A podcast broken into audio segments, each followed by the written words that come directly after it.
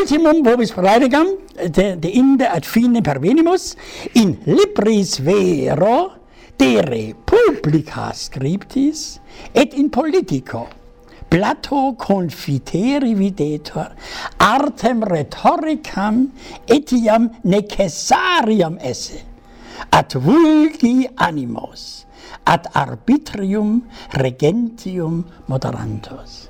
Ut notis Plato vult esse gubernatores rerum publicarum sive civitatum esse philosophos vulgus autem stultum deinde rhetorica opus est ut populus rite a sapientibus redator. Unde cognoscimus Platonem minus esse inimicum rhetoricae quam libertatis tes democratias inimicus est Plato. Cavete Platonem. Proxima scolati Aristotle. Eh?